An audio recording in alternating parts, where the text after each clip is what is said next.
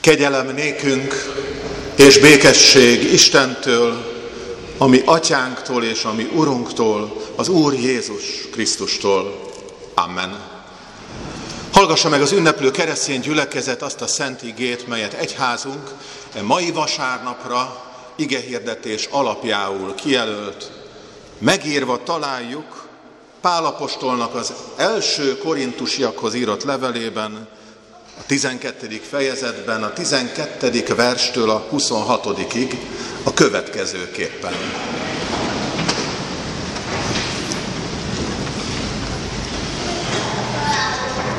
Testvéreim, mert ahogyan a test egy, bár sok tagja van, de a test valamennyi tagja, noha sokan vannak, mégis egy test, ugyanúgy a Krisztus is.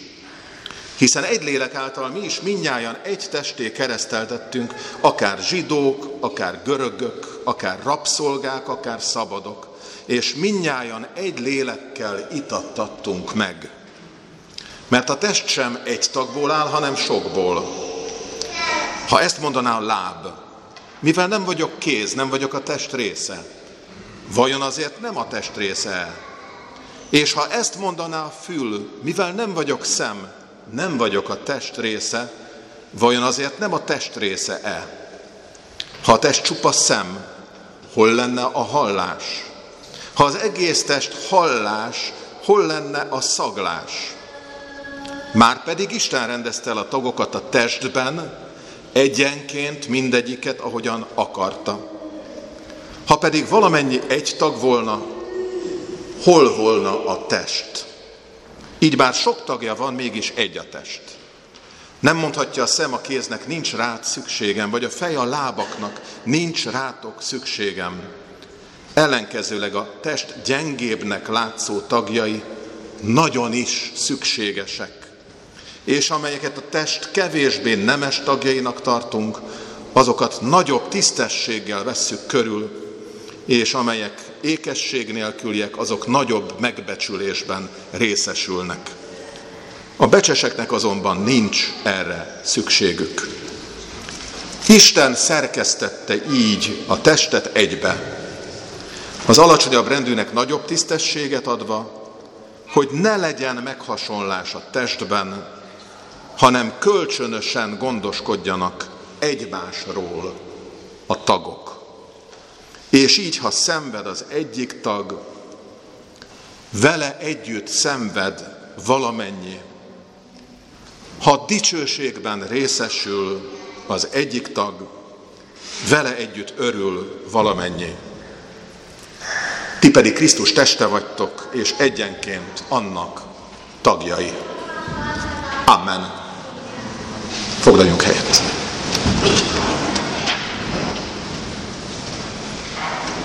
Ünneplő keresztény gyülekezet, szeretett testvéreim az Úr Jézus Krisztusban, ma éppen 117 éves fasori templomunk falai közé gyülekeztünk össze, sokfelől, sokféle indítatásból. Közöttünk vannak gyászoló családok, szeretteikre emlékezve, hogy a vigasztalás lelkéért ma együtt imádkozzunk. Vannak, akik gyermekeikkel érkeztek ide, hogy a Szent Keresztség áldásaiban részesüljenek, családjaik és egész gyülekezetünk örömére. Két testvérünk pedig, akik fehér ruhát öltöttek magukra, ma tesznek ünnepélyes fogadalmat és kapnak megerősítő áldást keresztelőjük és konfirmációjuk alkalmából. És biztosan tudom azt is, hogy van, aki ma először lépte át ennek a templomnak a küszöbét. Legalább egy valaki. Például egy nigériai evangélikus testvérünk, aki tanulmányai folytatására érkezett Budapestre, és ki tudja hányan még. Isten hozott mindannyiótokat. Felsorolnánk hányféle történet, amit személy szerint el tudnánk mesélni arról, hogy hogyan kerültünk lelki vagy fizikai távolságból ma egymás közelébe, talán a Krisztusi hit és az evangélium vonzásában is, akkor hosszan sorolhatnánk ezeket a történeteket. Ma Isten igének fényében felismerhetjük, hogy ez a sokféle helyzet mégis egy közös cél miatt adatott, hogy egyetlen egészséges testnek a tudata és érzülete járjon át.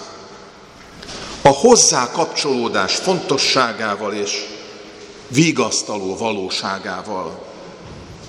Ez az egy test, amiről az apostol ír levelében úgy működik jól, hogy a különbözőségek egyáltalán nincsenek ellenére. Sőt, a sokféleség a jó összhangot, az egésznek a javát szolgálja ebben a testben.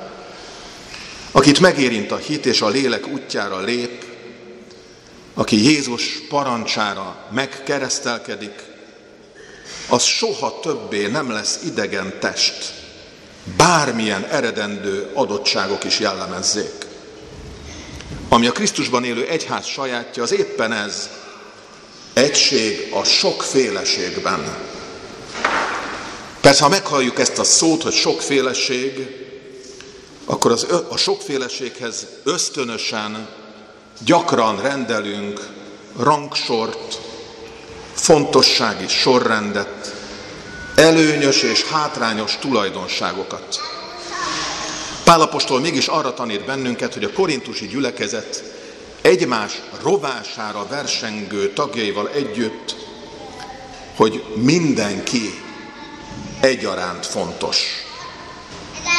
Amíg az antik szerzők a test klasszikus képével a város vagy egy birodalom működésében az uralkodói elit szükségességét kívánták igazolni, addig Pálapostól ige hirdetésében éppen ellenkezőleg tesz. A saját karizmáikkal büszkélkedő és másokat lenéző korintusiak helyre igazítására adja ezt a szemléltető képet a testről. Lehet, hogy valakinek a gyönyörű test ábrázolására éppen barcsai, anatómiai rajzai jutnak eszébe, a részletes, gyönyörű rajzok, ahogy az inak, a csontok és minden szervesül és csatlakozik. A test, amely azt üzeni, hogy Krisztusban nincs helye az elitista gondolkodásnak. Mert a lényeg az egész test mindenre kiterjedő és mélységes egysége, amelyben minden egyes részről gondoskodik a többi is. Kicsik és nagyok, csillogóak és elrejtettek, akik az egész létéhez mégis hozzájárulnak. Gondoljuk csak el, utána néztem egy mechanikusan működő svájci búvár óra mozgó szerkezete 201 alkatrészből áll. Plusz 26 darabból a karszíja, és 29 darabból a tok szerkezet. Ez összesen 256 pici alkatrészt jelent. El tudja képzelni bárki is, hogy mi lenne egy ilyen karórával, hogyha valaki véletlenszerűen egy tizednyi alkatrészét eltávolítaná. 25 ilyen parányi alkatrészt feleslegesnek nyilvánítana, kipöccintene, kirúgna, esetleg megválna tőle. Nagy valószínűséggel csak egy torzó, egy mozdulatlan vagy éppen beázott kacat maradna abból a nagyon is drága karórából. Egészen addig, amíg az órásmester újra fölé nem hajolna, hogy mindent visszahelyezzen oda, ahova tartozik, ahová jól illeszkedik. És egyetlen parányi csavar sem maradna ki a feleslegesség érzésével. Micsoda ehhez képest az emberi test működésének az összetettsége. Föl tudjuk -e egyáltalán fogni az egyház sokszínű, kultúrákon átívelő és mégis bennünket itt és most is összekapcsoló szolgálatát? A tanítványi életre szóló elhívásunk kezdő pillanataiban talán meg sem sejtjük, mi lesz a számunkra az igazi kiteljesedés a gyülekezetünkben. Azt gondolom, az új keresztény identitásunk gyakran úgy kezdődik, mint megannyi ős sejtnek a története.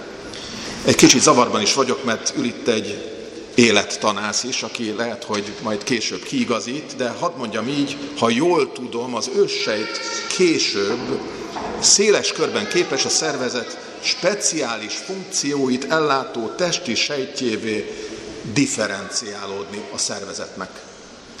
Vagyis arra vár, hogy egy hasznos szerv élő szövetének a részévé váljon. Ami nélkül a hiányos, lenne az egész, vagy beteg lenne ez az egész test. Éppen nyolc nappal ezelőtt, drága testvéreim, az evangélikus egyházunknak volt egy nagy összejövetele, evangélikus presbiterek, vagyis előjárók, szolgálók és munkatársak országos találkozója. Az egyik délutáni szekció több száz tagja éppen ezt a most felolvasott igét dolgozta fel. Vezetőiknek köszönhetően nagyon szemléletesen mindenki kapott egy színes lapsort, amin egy száj, egy fül, egy kéz és egy láb volt látható. Jelezve, hogy hányféle szolgálat lehet, ami bennünket személy szerint vagy akár gyülekezetként is jellemez. Melyik az, ami talán éppen hozzád a leginkább közel áll? A másokat meghallgató, az együttérzés csendjével támogató fül, vagy inkább a száj, akiből mindig kikívánkoznak azok a bátorító, támogató, lélekkel átitatott mondatok. És szívesen adott tovább az evangélium általad megélt üzenetét, talán azoknak is, akik arról még nem hallottak.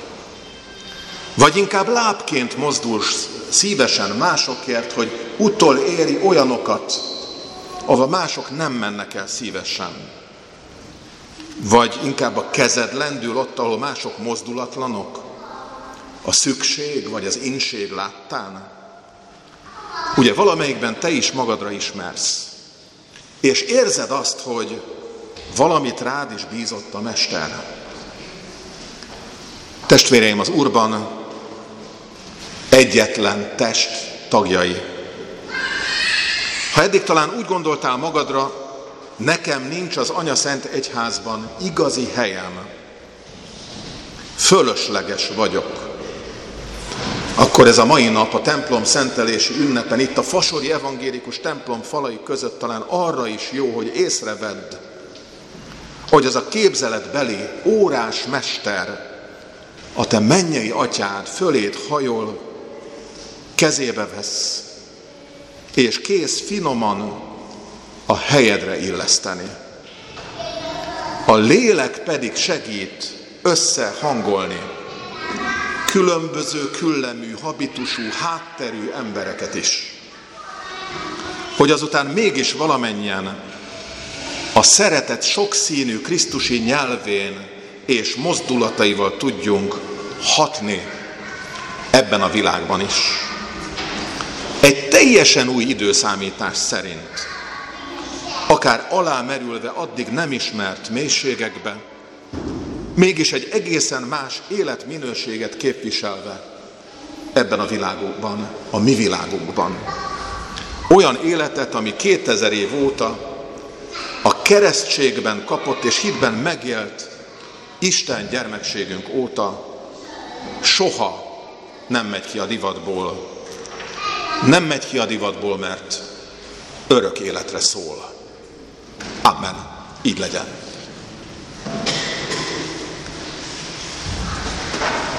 Most csöndes imádság pillanatai után a közös ima következzen. Énekes könyvünk 734. oldalán található egy gyönyörűséges ökumenikus ima. Ez a felirata egységért. Az egységért feliratú imát most a 734. oldalról együtt imádkozzuk énekes könyvünkből.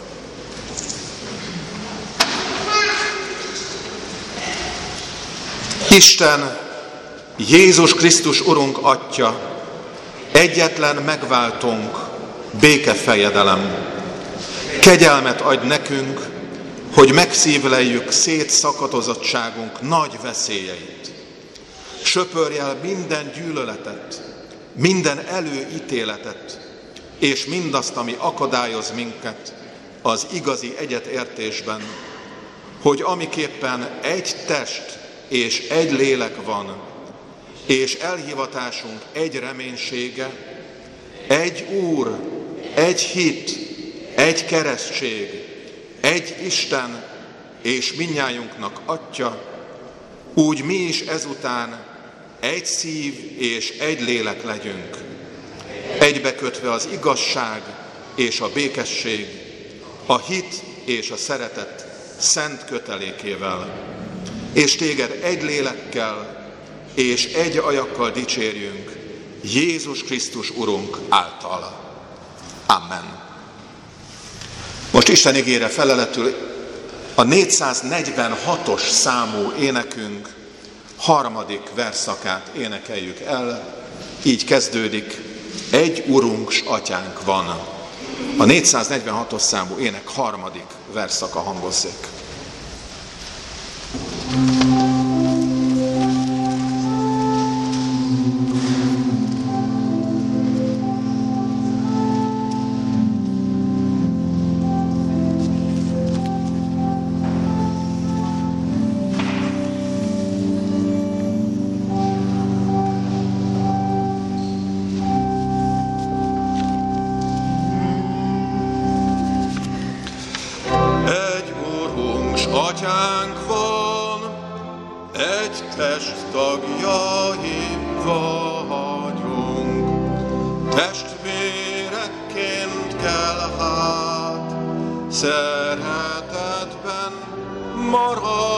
adnunk.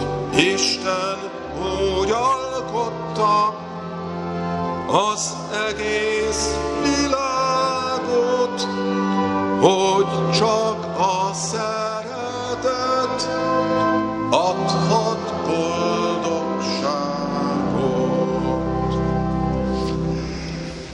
Hirdetem a gyülekezetnek, hogy Isten tiszteletünk keretében mind a két szentség kiszolgáltatásra kerül. Így az úrvacsorai közösségbe az Isten tisztelet végén hívogatunk mindenkit felekezeti hovatartozásról való tekintet nélkül, aki erre lélekben kész és szabad.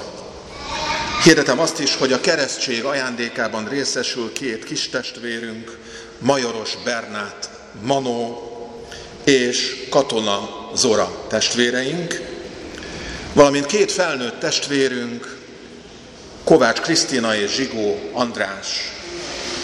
Isten áldása áradjon ki a családokra és gyülekezetünkre is az ő örömükön keresztül.